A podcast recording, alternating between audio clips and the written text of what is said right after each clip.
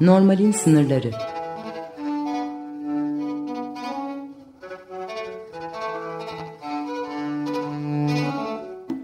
Klinik felsefe sohbetleri.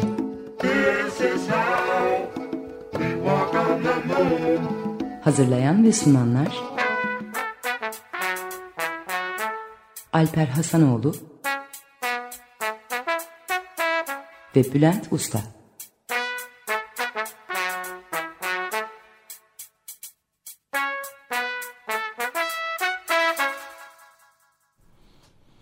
E, merhaba ben Alper Hasanoğlu. E, bugün e, Bülent e, özel işleri nedeniyle bu gelemedi. E, ben de bu e, karanlık odada tek başıma olmamak için e, klostrofobik e, e, korkularımdan kurtulmak için bir arkadaşımı davet etmeyi uygun buldum. E, çok değerli e, Türkiye'nin en önemli fıkıh uzmanı herhalde kendisi değil mi? E, böyle e, söylenince insan kendini biraz utanabiliyor ama Ferda Keskin zaten açık radyo dinleyicileri çok büyük ihtimalle Ferda'yı e, tanıyorlardır. Ferda e, aynı zamanda Bilgi Üniversitesi'nde e, melankoli ile ilgili e, dersler de veriyor felsefe ile yüksek lisansı evet. içinde değil mi? E, karşılaştırmalı edebiyat e, yüksek lisans programında gözüküyor ders ama hı hı, biz tabii onu e, işte felsefe ve e, diğer disiplinlerle ilişkilendirerek yapıyoruz. Evet. O yüzden biz geçen e, e, programda iğrenmek üzerine konuşmaya konuşacağımızı söylemiştik Bülent'le ama Bülent galiba iğrenmek konusundan iğrendiği için kaçtı. E, biz Ferda ile e, şey e, melankoli üzerinde konuşacağız. Normalin sınırları programının e, aslında çıkış noktası birazcık bu e, melankoliydi daha doğrusu. E, tanı kriterleri e, kitabımız olan bizim kutsal kitabımız DSM-5'teki e, depresyonun e, tanılarının tanısının iyice e, genişletilmesi ve neredeyse e, çok basit üzüntülerin, gündelik üzüntülerin bile bir hastalık, bir depresyon olarak tanımlanması e, nedeniyle e, biraz isyan gibi e, düşündüm, düşünmüştüm ben normal sınırları programını. Çünkü e, birkaç tane akıllı e, e, psikiyatri profesörü henüz galiba Amerika'da var. Onların itirazları sonucunda 2015'teki son versiyonu alınmadı ama şöyle bir şey önermişlerdi. İki hafta boyunca Kişi birini kaybettiğinde bir yaz kim kimi kaybederse kaybetsin yakınlarından birini. İki haftadan daha fazla onların oradaki depresyon belirtisi olarak söylediği şeyleri gösterirse ikinci haftadan sonra normal e, gündelik hayatında fun fonksiyonel işlevsel de değilse artık orayı yaz tutmuyor. Yastan çıkmış depresyona girmiş olarak kabul edilecekti. Bu da şu anlama geliyor. Milyarlarca kutu daha fazla antidepresan satmak. Yani tedavi dediklerinde hadi psikoterapi yapın ya da işte e, felsefi e, danışmanlara gidin öyle şey, öyle felsefi danışmanlıklar var biliyorsun artık. E, evet. Amerika'da da var, Avrupa'da da var. Biraz gülümsedin ama bana işe yarıyor diye ben diye düşünüyorum. Yok ben felsefeci olduğum için gülümsedim. Gülümsedin tamam peki. yani e, e, bunlara değil milyonlarca kutu daha fazla ilaç satmak için evet. e, böyle bir şey yapmaya kalktılar ama olmadı ama eminim 3-5 sene sonra bunu başaracaklar yani. Evet, tabii. Çünkü artık e, melankolinin e, 1900'lü yıllardaki tanımından e, çıkıp e, elimizdeki antidepresanların e, iyi gelebildiği semptomlar üzerinden depresyonu tanımlamaya başladık. yani evet. hastalıklarıyla iyileştirecek ilaçlar değil de e, ilacımız neye geliyor, neyi, neyi değiştiriyorsa Evet. On, onu ilacı önce ila, yapıp ilaca yönelik ondan bir, hareketli hastalığı tarif etmek. Evet, çok güzel değil mi ama? E, tabii mükemmel. Yani harika bir şey. Ee, o, yani e, o yüzden de bir sürü depresyon hastamız var. E, yalnızca işini kaybetmekten korktuğu için, e, gelecek kaygısı duyduğu için, e, bir, bir türlü bir türlü bitiremediği e, ilişkisi için, iç ilişkisinde mutsuz olduğu için. Hı hı E, ya da çocuğu işte e, okulda akademik başarısı kötü olduğundan dolayı ya da işte iyi bir Anadolu sesini kazanamadı diye üzüldü diye o kişiler depresyonda kabul Ya da bir ediliyor yakınlarını kaybettiler ve evet. e, onun da üstesinden iki hafta içinde de gelemediler. evet. Halbuki bizde hani kırkı çıkmak vardır değil mi? Değil Dolayısıyla mi? bütün o gelenek aslında demek ki depresif bir gelenekmiş. Tabii hele bir 52'sini uzatırsan yandın yani. evet. Çok Şimdi e, sen e, melankoli deyince melankoli işte hani e, kara safra demek ve çok eski zamanlardan beri. Hı hı. E, ama ben sana hiç seni e, ne dediğin melankoli hakkında bilmiyormuş gibi e, sana sorayım. Çünkü e, bu programda benim senin anlattığın, söylediğin şeyleri biliyor olmamın önemi yok. Çünkü benim bildi, ne bildiğimi şey, izleyicilerimiz, dinleyicilerimiz bilmiyor. Hı hı. Nedir melankoli felsefi açıdan ya da senin bakışından e, melankoliyi depresyonun en ağır hali olarak tanımlayabilirsek yani tanımlarsak ya da belki de sen melankoliyi e, bir depresyon olarak değil de başka bir bir hayat biçimi olarak da tanımlıyor olabilirsin. Sana bırakıyorum. Evet hayat biçimi olarak tanımlamak e, biraz daha e, tabii bir hayat biçimi demek onu bütün hayata atfetmek anlamına e, geliyor. E, ondan ziyade ben melankoliyi bir deneyim olarak e, düşünüyorum. E, bu a, deneyim e, elbette insanın e, hem dünya ile kurduğu ilişkiyi hem de kendi kendisiyle kurmuş olduğu ilişkiyi e, çok yakından ilişkilendiren e, bir şey. E, melankoli e, işte adı e, ilk defa senin de dediğin gibi antik Yunan'da e, konmuş a, bir deneyim. Melas ve hole yani kara ve safra kelimelerinin birleşmesinden ortaya çıkıyor. Ama tabii ilk defa e, melankolinin ilk örneği daha doğrusu e, henüz daha melankoli e, kelimesi icat edilmeden e, var olduğu düşünülen bir mitolojik figür. E, bu figür de Bellerophon figürüdür. E, bu Yunan mitolojisinde e, vardır. E, İlyada'da e, vardır. E, ve tanrılar tarafından e, haksız yere terk edildiği için e, işte Eolia e, ovalarında yalnız başına yürüyen, insanlardan uzak duran e, bir e, karakter. E, aslında ben e, şöyle tanımlıyorum veya şöyle düşünüyorum bu Bellerophon e, figürünü e, melankoli geleneği içerisine e, yerleştirirken. E, melankoli e, işte antik Yunan'dan bugüne gelinene kadar genellikle bir kayıpla ilişkilendirilir.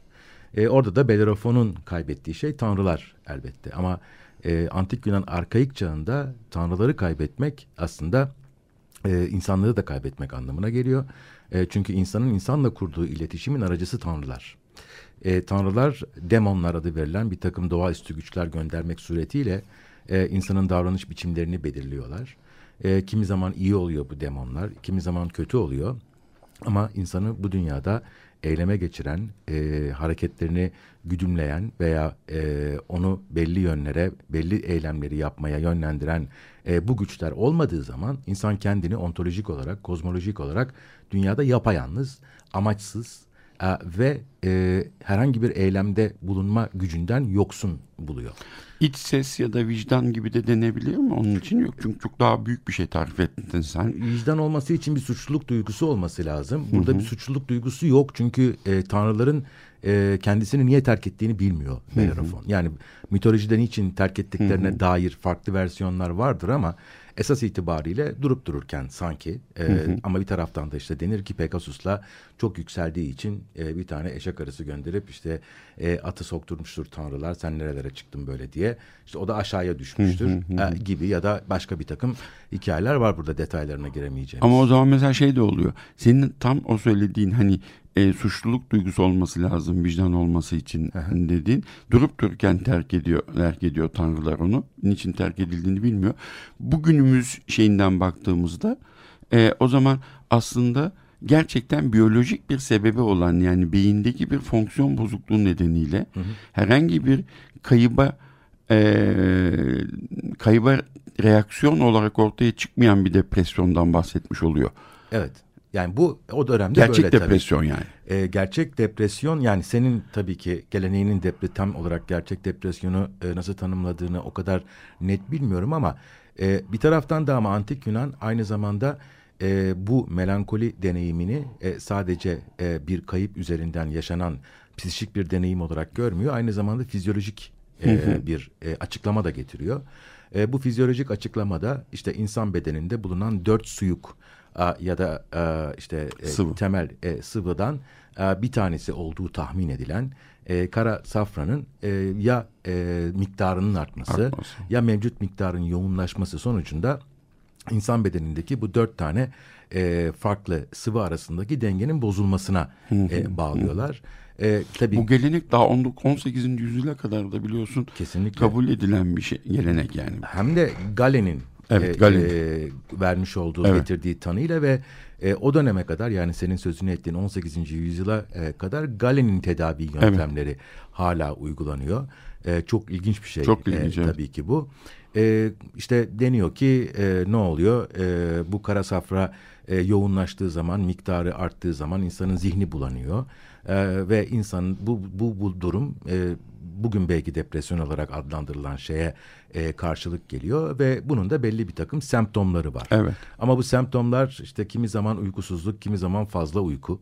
Ondan sonra kimi zaman ajitasyon, kimi zaman e, müthiş bir e, e, atalet e, gibi birbirleriyle çelişen İsteksizlik. isteksizlik, Ölüm e, isteği. ölüm isteği, e, Anlamsızlık duygusu. ve başkalarıyla iletişim kurma e, a, a, dan vazgeçmek. Evet. E, tıpkı işte Bellerofon'un durumunda olduğu gibi. Şimdi ilginç olan nokta şu. Peki arada sorabilir miyim hiç anlamadığım için? Belerafon e, e, tanrıları kaybettiği için mi insanlarla iletişim kuramıyor yoksa insanları kaybet insanlarla iletişim kuramadığı için mi tanrılar kayboldu diyorlar? Yok tam tersi ilk söylediğin. Yani çünkü e, aslında insanlar arasındaki iletişimi mümkün kılan şey tanrıların e, kozmik e, dünyamızdaki varlığı. E, onlar olmadığı zaman insanlar arasındaki iletişimde olmadığı için bir yalnızlık ve kendini bir boşlukta hissetme durumu. E, dolayısıyla burada ikinci bir kavram daha var. Bu daha sonra Freud da kullanacak bu kavramı. E, e, Yas ve Melankoliye isimli metninde bir boşluk duygusu. Evet. E, hatırlarsan Freud der ki işte yasla melankoliyi birbirinden ayırt eden bir takım özellikleri sıralarken e, der ki yasta dünya insana boş gözükür. E, melankolide Melankoli, insanın içi. kendisi içi boş gözükür. E, fakat e, şimdi e, antik Yunan'da e, özellikle Hipokratik gelenekle birlikte e, başlayan böyle bir patolojik yaklaşım var e, melankoliye. Ama e, sadece patolojik değil antik Yunan'ın yaklaşımı. Çünkü çok bilinen bir metin vardır. Bu metin Aristoteles'e atfedilmekle birlikte Aristoteles'in olmadığı da biliniyor artık. E, orada çok meşhur bir cümle vardır. O da şu e, nasıl oluyor da e, e, önde gelen devlet adamları, şairler ve filozoflar kara sarfradan etkilenmiş olacak kadar melankolik oluyorlar. E, ve buradan hareketle de gelenek yani antik Yunan'dan başlayan ikinci bir gelenek e, melankoliyi sadece bir patoloji olarak değil aynı zamanda yaratıcılığın kaynağı olarak görür.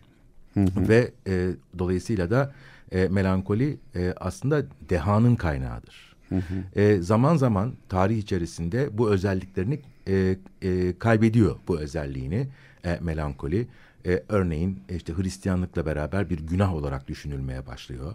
E, sonra Rönesans'la birlikte tekrar geri geliyor Ficino ile beraber. Herhalde o suçluluk duygusu nedeniyle değil mi Hristiyanlıkta? Yani insan e, özellikle batılı e, depresyon tanımlarında suçluluk duygusundan bahsedilir çok fazla depresyonda. E, doğulu insanlar ise depresyonda bizim günümüzde gördüğümüz şeydi. Ben İsviçre'de hem göçmenleri hem batılıları yani hem doğulu göçmenleri hem batılı göçmen insanları gördüğüm için şeyi fark ediyordum. Doğulu depresifler utanıyorlar. Daha çok utanç yaşıyorlar.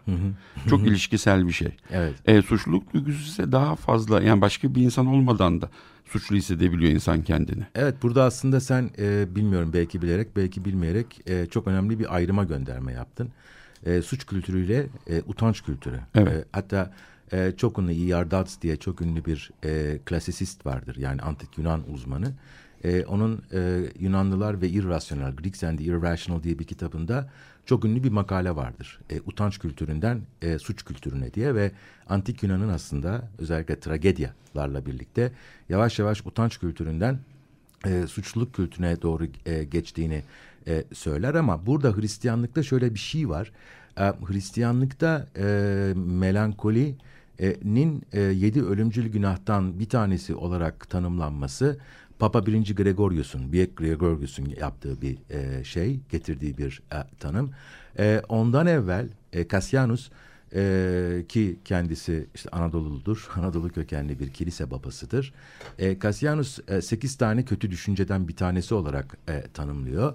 E, melankolik e, e, o e, e, durum diyeceğimiz durumun e, bir günah olarak e, düşünülüyor olmasının sebebi e, melankolik e, figürün e, içine girmiş olduğu atalet durumu itibariyle e, Tanrı'ya hizmet etmekten vazgeçmesi. Atalet veya miskinlik. Edememesi aslında değil mi? Edemiyor tabii. Evet. Ama bir taraftan da şu var öfkeleniyor da. Tabii. E, ve öfkelendiği için bir taraftan da reaksiyon, tepki olarak da e, madem Tanrı beni terk etti, e, yine aslında Tanrı'nın terk etmesi var. E, bunun en güzel örnekleri aslında e, e, milattan sonra 3. yüzyıldan itibaren 2 ile başlar ama 3 bunun doruk noktası. E, e, Hristiyanlıkta, erken Hristiyanlıkta e, bir takım insanların e, inzivaya çekilmesi. Evet. E, şeyde Mısır çöllerinde E, ve orada inzivadayken işte öğlen saatlerinde şeytan ivalarını gönderiyor. Bunları tekrar baştan çıkartmak için. Ee, ve e, öğlen saatlerinde e, bunun e, işte resim geleneğinde de çok önemli örnekleri vardır. Bunlar geliyorlar e, ve e, çaresiz hissediyor kendini oradaki keşiş, hermit. E, Tanrı kendisine yar- Tanrı'nın kendisine yardım etmediğini e, düşünüyor. Günaha çağırıyorlar. Aslında onun çöle gitmesinin sebebi e, günahtan, Günahtan uzak. kaçmak. Sadece günahtan değil, günah için duyulan arzudan Bundan kendine kaçmak. e, arındırmak. Evet. E, gönülden, gözden uzak, gönülden ırak. Evet. E, Peki diye- o arzuyu, günah arzusuna sebep olan nesneler ya da özneler neler? Onlar her şey. Yani şey. e, işte e, şehvet denilen Şehvet, e, e, antik şey pardon Hristiyanlık geleneğinde e, varlık, para veya altın için duyulan şehvet, ten için duyulan şehvet e, ve iktidar için duyulan şehvettir. Evet. E, bunlar. Ve erkeğin kadında duyduğu daha çok sanki değil mi? Evet. Çünkü e, e, yani kadın en e, Hristiyanlıkta en kutsal kadın e, hiç seks yapmamış kadın biliyorsun Meryem Ana. Evet. Yani seks de yapacaksa hiç olmazsa yalnızca çocuk için yapsın. Evet. İşte zaten kadın orada ivanın kendisi oluyor. Evet, Ee, Yani Batı dillerinde tentasyon veya temptation denilen şey kadın ivayının kendisi. Evet. İvaya maruz kalan ise erkek. Dolayısıyla burada günahın kaynağı kadın ama günaha maruz kalan erkek Evet. olarak düşünüldüğü için Evet.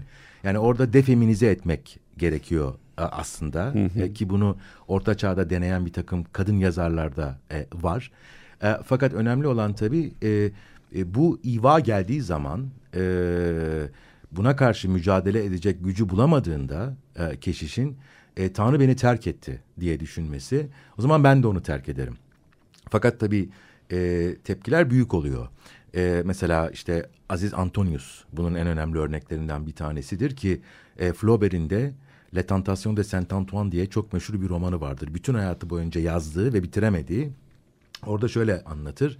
E, öğlen saatlerinde bu iva geldiğinde e, keşiş elindeki kitabı yani kutsal kitabı duvara fırlatıyor.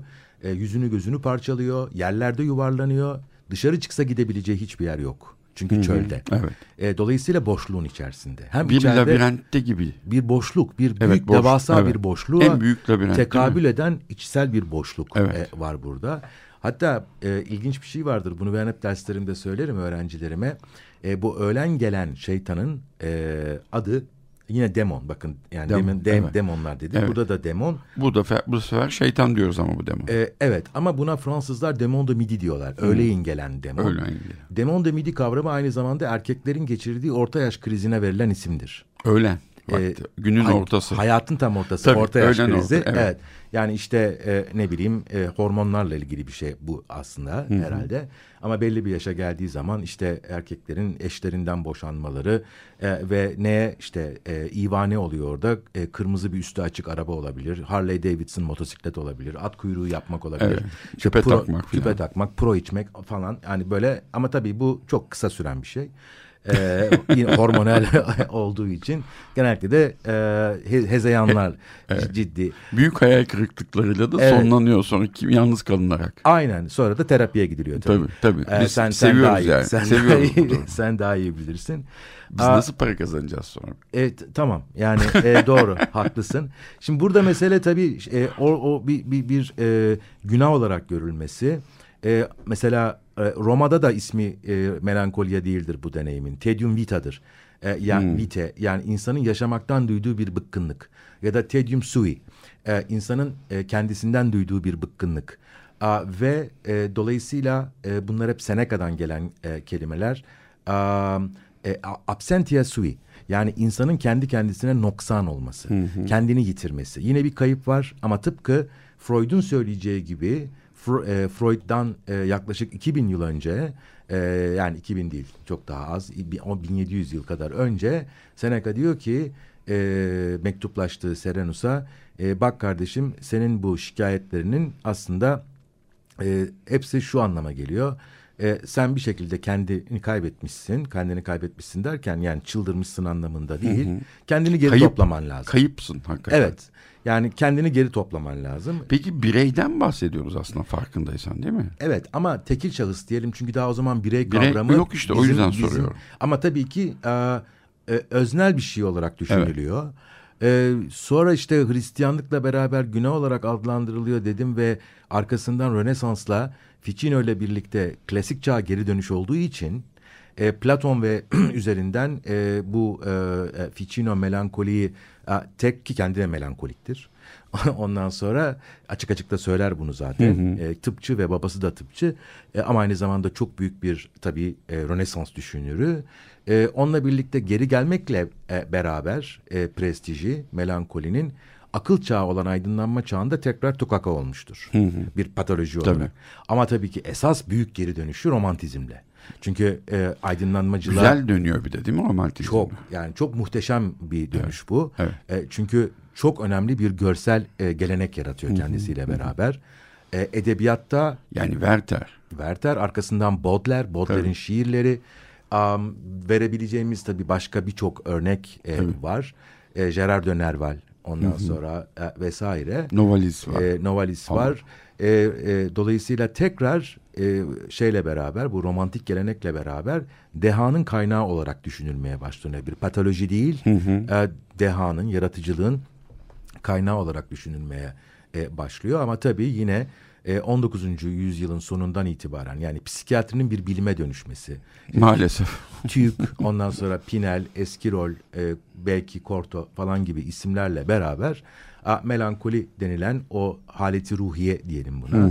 Bu haleti e, ruhiyenin yavaş yavaş a, bir e, ansiklopedide yeri olan bir hastalığa Evet. a, dönüşmesi a, ve tanımlanmaya başlaması. Yani bir taraftan Freud gibi e, bunu e, analizle veya terapiyle tedavi edilebilecek bir şey olarak düşünenler var ama bir taraftan da buna ilaçla Tabii. e, müdahale edilmesi gerektiğini çünkü sonuç olarak bunun beyin salgılarıyla ilgili. Griesinger diye bir Alman e, 1900'lü yılların son e, gelirken 1800 yılların sonunda e, en büyük e, yani psikiyatri içindeki bize aslında yapılan en büyük darbe çocuk e, bence e, ruh hastalıkları beyin hastalıklarıdır diye net bir tanım getiriyor ve o mutlak gerçeklik artık tartışılmıyor bile.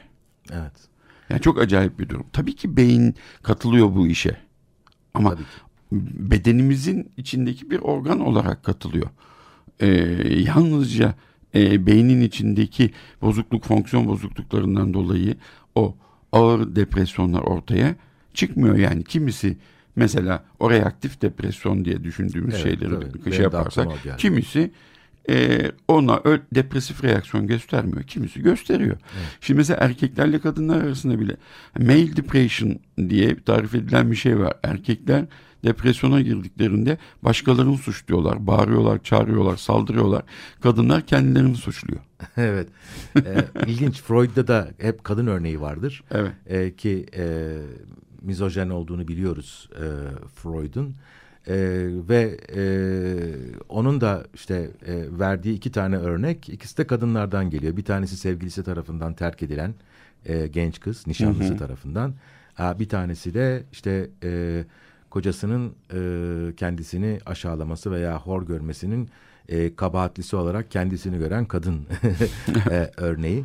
Am, evet yani bunlar bu kategoriler e, çok kültürel kodlara bağlı olan şeyler. Yani düşünsene şeyi de e, e, Freud e, kadında penis hasedi olduğunu söylüyor. Evet. Şimdi e, yani penis o kadar önemli ki onun, onun yokluğu haset duygusu belki de e, yani neden e, klitoris hasedi yok yani belki de değil mi? Evet. Yani niye penise haset edilsin? Yani o kadar dediğin gibi e, Bir şey de penis extension diye bir kavram vardır. penis uzantısı yani bir şeyi penisin yerine koymak. evet Ee, evet Mesela köpeği varsa ha, tamam bu demek ki arabalar bilmem Evet. Şimdi e, Forte bu konuda çok abartıyor. Böyle çok güzel pahalı çantalar alanların şey. O, o çanta içine bir şey alan bir şey. O da vajinayı temsil ediyor. Uterusu temsil ediyor falan. Ama şimdi e, ben şeyden sonra bir müziğin bir müzik dinleyeceğiz ve sonra birazcık reklam var. Sonra tipus melankolicus diye bir e, tanımı var. Tellenbach diye bir Alman e, psikiyatrist ve e, felsefeyle de uğraşan bir insan. Onu e, o tanımını sana e, söyleyeceğim. Onun üzerinden düşüncelerini merak ediyorum. Tabii. Şimdi Nüket Duru'nun e, Melankoli şarkısını dinliyoruz. Ha, ha, ha, evet. Sabahattin Ali'nin sözleri. Açık Dergi Merhaba, normalin sınırlarıyla devam ediyoruz. Bugün konuğumuz Ferda Keskin. Ee, e, Melankoli şarkısını dinlemeden önce e, söylemiştim. E, Tellenbach diye bir mm, adında bir e, Alman e, psikiyatrist e, tipus melankolicus diye bir e, tanımı oluyor. Depresyona giren, girmeye daha meyilli insanı tanımladığı bir şey e, bu. Daha sonra bunu böyle bu mm, ilaç firmaları pozitivist e, dalga, neuroscience filan bunları böyle e, reddediyor ama e, ben de 3 sene İsviçre'de e, spesifik depresyon bölümünü yönetmiş bir insan olarak kendi de depresyonu biraz meyilli bir insan olarak e, senin de azıcık o taraklarda bezin olduğunda e, biliyorum galiba bu e, bu onun tadımı biraz e, doğruymuş gibi geliyor bana. Mesela diyor ki e, Tellenbach tipus melankolikus'u e, tarif ederken bir kere diyor takıntılı bir şekilde e, bir şeyleri iyi yapmaya çalışırlar. E, şeydirler e, yapmak istedikleri sorumluluk sahibidirler. E, daha duyarlıdırlar. Yani birazcık daha e, şey alırlar, alıngan olurlar. E, çalışkandırlar. Vicdani olarak e, vicdanları daha e, kuvvetlidir ve e, e, dayanışmayla e, dayanış dayanışmayı daha fazla yapan insanlardır bunlar diyor.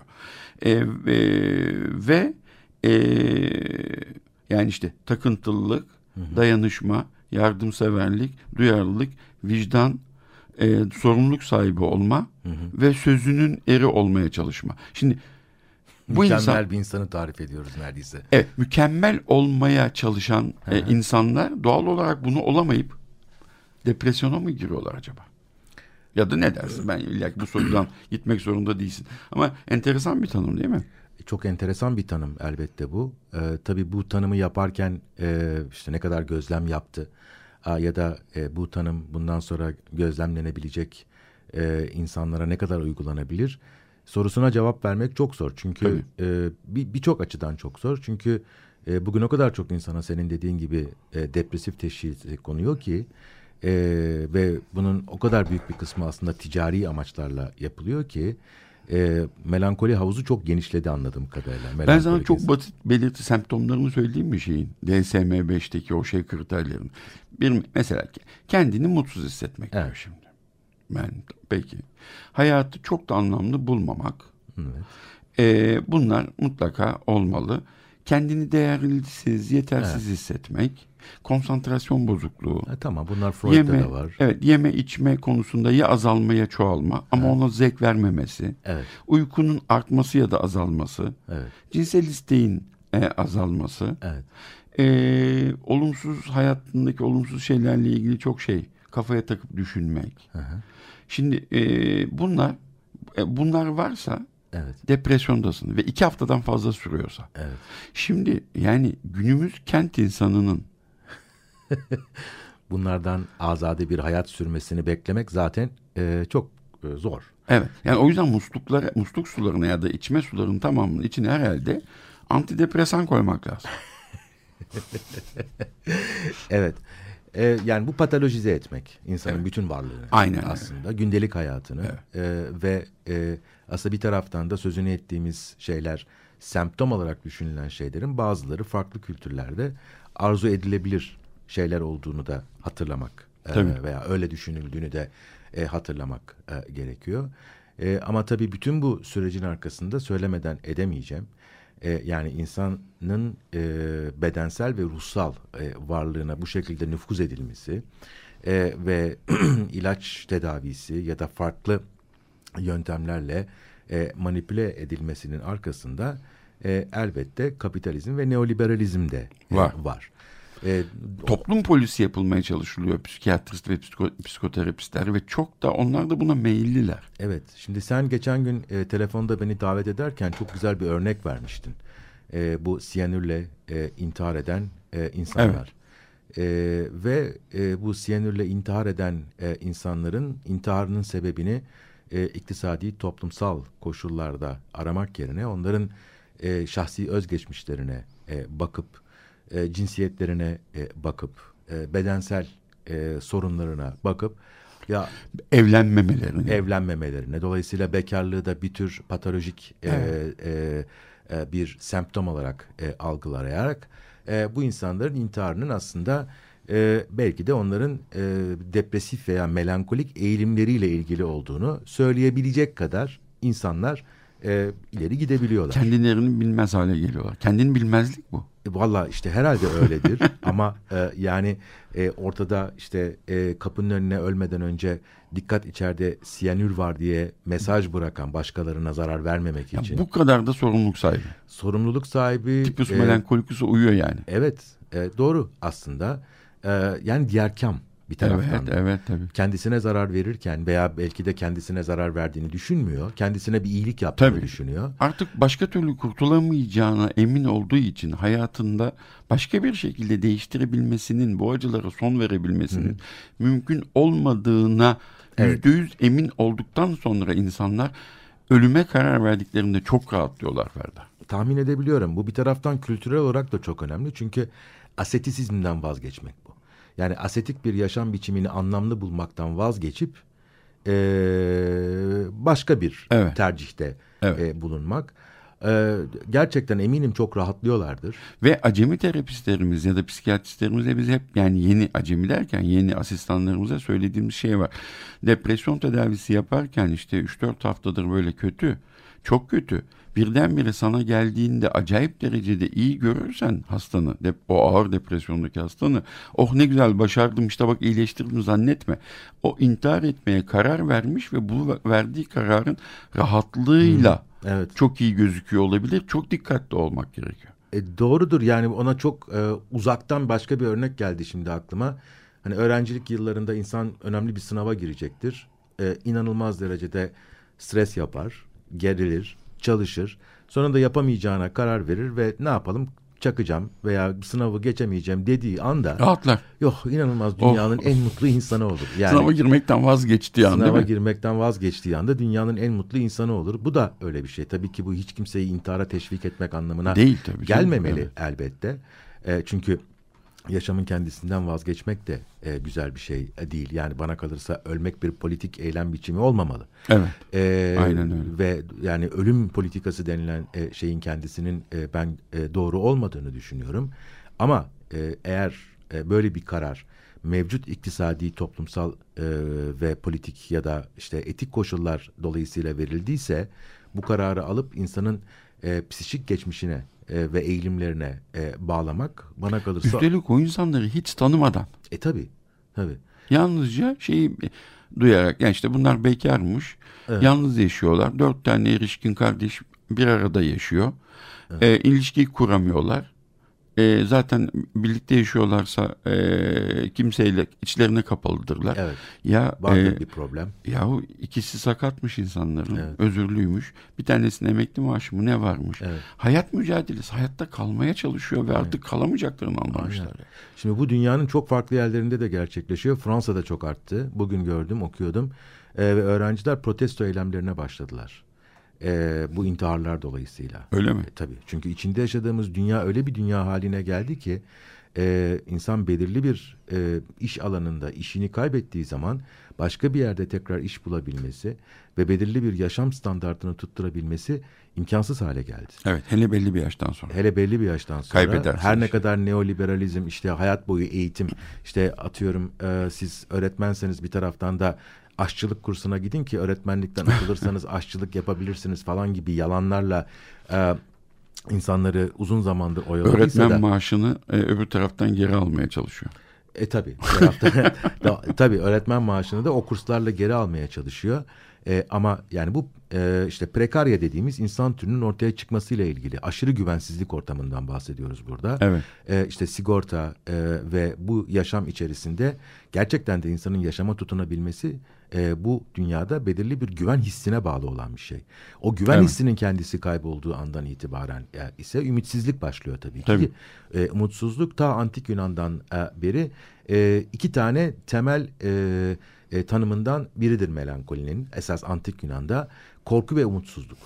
Yani Hipokrates'te e, şöyle çok ünlü bir e, şey vardır, cümle vardır. E, korku ve umutsuzluk uzun sürerse o zaman melankoliden bahsetmek gerekir e, diye. Ama tabii iki hafta değil. Hipokrates'te bu çok daha uzun süren bir şey. Ama korku ve umutsuzluk. Umutsuzluğun arkasında ise içinde yaşadığımız toplumda toplumda güvensizlik e, var ve güvensizlik e, tamamen e, e, ekonomik e, nedenlerle duyulan bir e, güvensizlik. Evet. E, o işte işini kaybettiği zaman yeni bir iş bulamayacak olma korkusu sadece kendisini de ilgilendirmiyor bu. Yakın çevresini de ilgilendiriyor. Yani çocuğuyla intihar eden de oldu. Tabii. Değil mi? Bu, bu e, mutluluk ben e, böyle e, şu, mut- depresyonla mutluluğu böyle bir arada düşündüğünde korku dediğin, kaygı dediğin, işini kaybetmek, kent insanı. Şimdi insanlara mutsuz olmanın, üzüntü çekmenin, e, acı çekiyor olmanın, bir şeyleri e, yolunda gitmiyor olmasının büyük bir başarısızlık, yetersizlik ve değersizlik olduğu Evet tabii. ki. çok fazla anlatılıyor. Tabii. Yani bu da e, illaki bir işte dışa dönük olacaksın, sosyal olacaksın, fit olacaksın, neşeli olacaksın, de, e, işinde devamlı başarılı olacaksın filan. Bütün bunlarla ilgili olarak bunu yani mutlu olmak zorundasın den, deniyor Evet, insanlar. Güçlü ve mutlu olmak Güçlü ve mutlu. ol. Peki ben nasıl mutlu olacağım diye e, sormaya başlıyor. İnsanlar o kadar çok söyleniyor ki mutlu olmak zorundalar artık. Bunu sorgulamıyorlar bile. Evet tabii. Ve sonra da nasıl mutlu olacakları ile ilgili olarak da onlara diyorlar ki e, 90 metrekare evde oturursan mutlu olamazsın. Bu evin 150 metrekare, 200 metrekare çıkması lazım. Öyle Ayvalık'ta tatil yaparak olmaz. Maldivlere gitmek zorundasın. E, öyle e, Renault ile falan arabayla gidersen hem çocuklarının e, güvenliği de olmaz. Şey almak zorundasın. Marka söylememiz yasaktı. Yanlış bir şey yaptım. Bilmem ne arabası almak zorundasın. Evet. E, diyor. Yani para harcarsan mutlu olabilirsin. Tabii. E şimdi e, o zaman zaten herkes inanılmaz derecede şey e, e, bir de haz almak zorundasın meselesi. Şimdi eudaimonia değil mi? Evet. Şimdi orada da daimon yok mu? Var tabii. İyi Heh. demon. İ- Evet. Yani evet. evdemoniyanın başındaki EU eki iyi anlamına Evet, gelir. iyi demo. Ve e, aslında orada haz ve erdemin dengeli bir şekilde var olması değil mi? Bir felsefe öğrencisi olarak. Tabii. Yani hocam yanlış söylemeyeyim sana Erdem, soruyorum. mükemmeliyet gerekiyor. Haz da zaten mükemmeliyetle birlikte gelen bir şey. Evet. Ama Ve hazın kendisi değil evdemoniya. Onu Aristoteles değil, çok net tabii. olarak söyler. Tabii, Ve tabii. hatta haz için yaşanılan hayatı da vulgar hayat olarak Evet. e, tanımlar. yani dengeli olması değil Tabii, mi? Zaten denge galiba Aristoteles'teki Tabii. en önemli Evet. kavramlardan bir Evet. tanesi. Ama günümüzde mutluluk tanımı yalnızca hazın olduğu bir hayat biçimi. Evet ve bu hazzı da e, alabilmek için veya bu hazzı e, hazzın peşinden gitmesini sağlamak için insanın e, gerekli arzuları e, üretme faaliyetine dönüştü aslında toplumsal yaşamın önemli bir e, kısmı. Ve bunların başkaları tarafından da gözükmesi lazım. Tabii. Bu yüzden de Instagram'ımız var. Aa, tabii tabii aldığımız hazzın gözükmesi lazım ama o hazzı bizim arzulamamız gerekiyor. Dolayısıyla e, tabii ki neoliberalizmin en önemli özelliklerinden bir tanesi takip ettiği arzu politikalarıdır. Evet. E, yani e, arzuyu kurmak ve sonra bizi bu arzunun öznesi haline getirmek. E, dolayısıyla arzu artık kurulan bir şey haline geldi. Evet. E, arzuladıkça eyleme geçiyoruz. Sonra bu eylemin sonucunda alınan hazzı da teşhir ettikçe, Evet. yani mutluluğumuzu teşhir ettikçe e, o e, rekabet dünyası içerisinde Orada çok öne tehlikeli geçiyoruz. bir şey oluyor. Ya like sayısı az kalırsa insanlar ondan öyle bir tedirgin ki. Ha, öyle mi? Ha evet doğru doğru. Facebook'ta yani, like tabii, değil mi? Facebook'ta ya da Instagram'da. Instagram'da, Instagram'da Evet. sen Mikonos'ta eller havaya yapmışsın ama yalnızca dört kişi like etmiş var ya bitti Mikonos tatilinin manası kalmadı. Aa doğru tabii. tabii. Ben bir kere e, bundan beş sene evvel falan da böyle bir tatil köyü gibi bir- yok bir bir, bir e, şeye gittik. Am, bir, bir siteye gittik Bodrum'da A, isim vermek ya, e, şey mi yasak mı? Yani Bodrum diyebiliyoruz Ha, tabii tamam. de otel ismi Orada e, şey vardı. E, ben işte e, Wi-Fi var mı diye Evet. sordum. E, Var dediler ama e, çalışmaz dediler. E, e, niye dedim? Ya aşırı yoğunluktan. Neyin yoğunluğu dedim. Aa dediler öğleden sonra çalışmaz dediler. Çünkü insanlar işte sabah ve öğlen e, işte denize giriyorlar, fotoğraflarını çekiyorlar. Ondan sonra akşam üstünden itibaren herkes Instagram'dan bu fotoğrafları paylaşmaya Paylaş- başladığı Evet. için çöküyor sistem. Evet. Yani e, modemler yetmiyor ve bizim gibi dolayısıyla işte haberlere bakmak Evet. ya da e-mailini okumak falan gibi dertleri olan insanlar Evet. için de bu olmuyor. E, bu tabii müthiş bir teşhir ama bu aynı zamanda bir sonsuzluk özlemi. Tabii. Yani ve bu sonsuzluk özlemi aslında kendi içinde de çok e, sorunlu bir şey. Çünkü neoliberal öznenin e, sonsuzluk e, arzusu gerçekleştiği takdirde insan yani bir insan sonsuz olduğu takdirde dünyayla bir olur. Dünyayla bir olduğunuz yerde de ötekine yer kalmaz. Evrenle bir olur. Evrenle veya içinde bulunduğu dünya kendisinden ibaret olur. Kendi Evet. sonsuzlaşırsa e, ama son, insanın sonsuz olduğu yerde ötekine yer kalmaz. Çünkü insan zaten Evet. sonsuzdur. Dolayısıyla ötekinin olmadığı bir dünya yaratılmaya çalışılıyor. Ötekinin olmadığı dünya demek insanın diğer kam olamadığı, ötekinin acısına e, Anlayış göstermediği, empati onu paylaşamadığı, paylaşamadığı. empati gösteremediği, onu paylaşamadığı, e, ona dokunamadığı yani fiziken değil Evet. sadece e, aynı zamanda İnsanlar nasılsın diye sorarken korkuyorlar artık. Farkında mısın? Ya kötüyüm derse. Evet, tabii. Dinlemek lazım sonra onu. Evet tabii. Evet bir an evvel evet, ve hızlıca kaçacaksın tabii, o zaman. tabii, evet. Yani bütün bunlar aslında toplumsal bir depresyona belki tekabül ediyor. Oraya bakmak lazım. Yani depresyonu tıpta da var bu biliyoruz ki artık yani belli hastalıkları sadece bedendeki semptomları üzerinden düşünerek tedavi stratejileri saptamak yerine e, dünyada kaynakların dağılımı e, farklı coğrafyalarda e, e, ve bu kaynakların işte e, kullanımı e, e, ve buna benzer unsurları da devreye katmak suretiyle yeniden tanımlamak ve onun üzerinden e, müda tıbbi olarak müdahale etmek e, fikri var. E, burada da depresyonu sadece tekil şahısların içine girdikleri bir deneyim ya da bir haleti ruhiye olarak düşünmek yerine e, bir taraftan da e, toplumsal bir e, fenomen olarak e, ve o toplum içerisinde var olan e, kişiye e, toplumun dayattığı e, bir şey olarak dayattığı derken sen e, depresif olacaksın diye değil ama e, sağlıklı ve mutlu yaşam koşullarını belirleyip e, ona uymayan herkesi de depresif olarak tanımlayıp Hasta ya da işte. hasta, depresif, patolojik, içine çekilmiş, e, uyumsuz. Uyumsuz, Ondan tabii. sonra Kişilik bozukluğu deniyor artık. Tabii. Yani kişilik ve şey. davranış bozukluğu. Düşünsene bir insana diyoruz ki sen böyle davrandığın için senin davranış bozukluğun var. Senin kişiliğin bozuk. Yani bu nasıl bir cürettir? Evet. Öyle değil mi öyle tanılar? Yani eee, sen biraz takıntılı bir adamsan diyelim. Evet. Yani sen, senden bahsetmiyorum öyle konuşma. Tabii, tabii. öyle söylüyorum. Ki takıntılıyımdır. Ha, ben de yani yapmak istediğim de takıntılıyım ve sana diyor ki sende takıntılı kişilik bozukluğu var. Evet. Senin psikoterapiye gitmen lazım. Ve ya bu- niye? Bu bir de bu şöyle bir şey de oldu. E, bu yaş olarak da e, çok aşağılara çekildi. Tabii. Ve dolayısıyla ilkokullarda bile e, artık e, belli şekillerde davranan çocukların e, e, ailelerine sizin çocuğunuzun davranış bozukluğu var. Lütfen okulumuzdan alınız deniyor. Evet evet. Bu yaşanan, evet, e, evet. şu anda Bizim yaşanan- okulumuzun şeyini Evet. e, Dolayısıyla yani e, bir velinin de e, o yani çocuğu e, işte içinde bulunduğu sınıfta diğerleriyle iyi geçinen e, e, bir, bir, bir, bir, bir, bir insan haline dönüştürmek yani o kolektif varoluş duygusunu ona aşılayabilmek yerine ailesini çağırıp ya biz burada yani eğitim yapıyoruz yani aslında para kazanıyoruz. Sizin çocuğunuz da e, bu sistemi e, bozuyor. Lütfen alın demek. İnsanı çok küçük yaştan itibaren stigmatize eden, bir Evet. yaralayan bir şey. Tabii. Yani yaralar derken e, insanın üzerinde Damgalıyorlar. görülür bir iz bırakmak anlamına Evet. geliyor bu. Hani bu mesela şeyde de var. Bir ara Fransa'da şey e, kanunu çıkartmaya çalışmışlardı. 10 seneden fazla oluyor ama belli davranış biçimi gösteren çocukların suça eğilimli olduklarını ve dolayısıyla bütün hayatları boyunca bunların takip edilmesi e, gerektiği. Bu bana şeyi hat- hatırlattı. 1980'den sonra 12 Eylül 1980'den sonra Cerrahpaşa Tıp Fakültesi Psikiyatri Kliniğinde Ayhan Songar baş, adını şimdi unuttum başka birisiyle kendisine benzeyen birisiyle e, solcuların illegal e, sol örgütler ü- üyelerinin e, kişilik bozuklukları olduğunu ve psikopatileri olduğunu ve bunu kanıtlamak için de işte içe işte EEG'ler bilmem neler falan bunlarla uğraştılar devamlı. Hiç şaşırmam. Aslında bunun tam tersi de var. Ee, e, bir e, e, e, şey zamanında e, Sovyetler Birliği'nde e, bir e, ünlü şu anda adı aklımda değil e, bir psikiyatrist var. Bu psikiyatrist e, yavaş ilerleyen bir şizofreni e, keşfediyor. E, ve bunun makalelerini yazmaya başlıyor. Bunun da bir tane tek bir semptomu var, özel bir semptomu. E, siyasi muhalefet.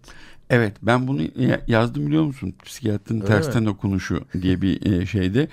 E, batı hep batının üzerine örnek gösteriliyor. Sovyetler Birliği'ne mahsus bir şizofreni. Şey düşünmek eğer siyasi bir muhalif muhalifler yani e, şeye e, Sovyet rejimine karşı olduğunu açıkça söyleyen insanların işlerini kaybedeceklerini e, hatta öldürülebileceklerini ve hapse atılabilecekleriyle ilgili korku duyuyor olmalarının şi- şizofreni belirtisi olduğu. Evet.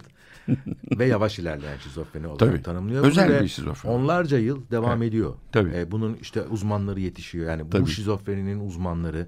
e, bu konuda büyük bir literatür. Bu Tabii. iş için ayrılmış özel e, akıl hastaneleri e, vesaire falan.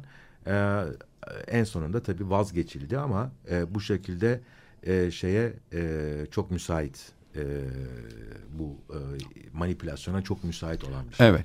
O zaman ben sana şimdi programın e, sonuna gel- geldik maalesef. Ben sana şunu sormak istiyorum. Senin anlattıklarından yola çıkarak.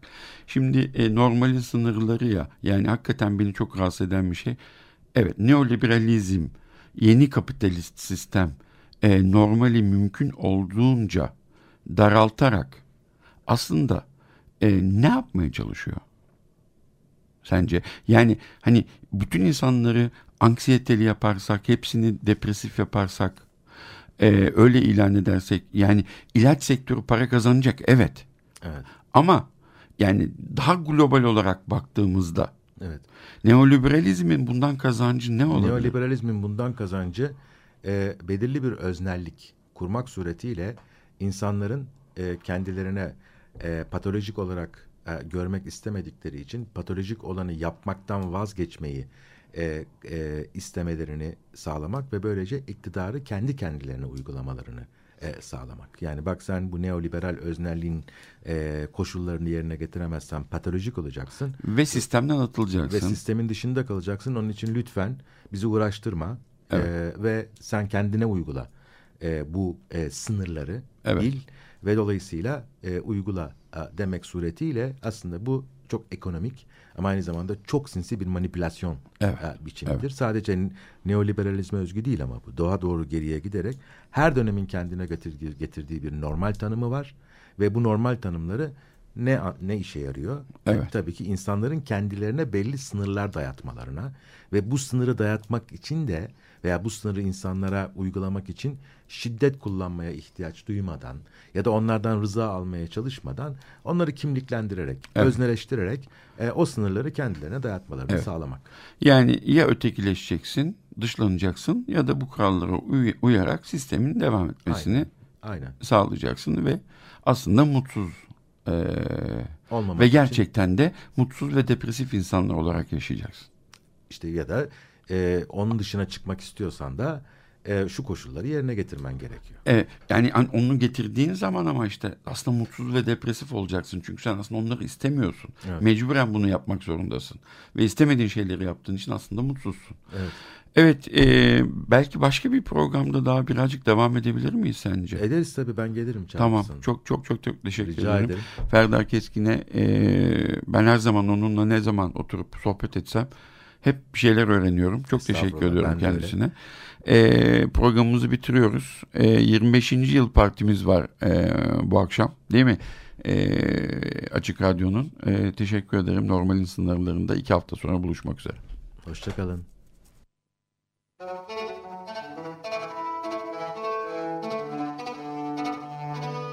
Normalin sınırları.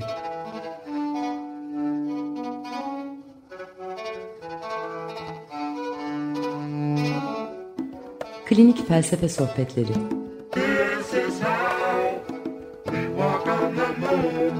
Hazırlayan ve sunanlar Alper Hasanoğlu ve Bülent Usta.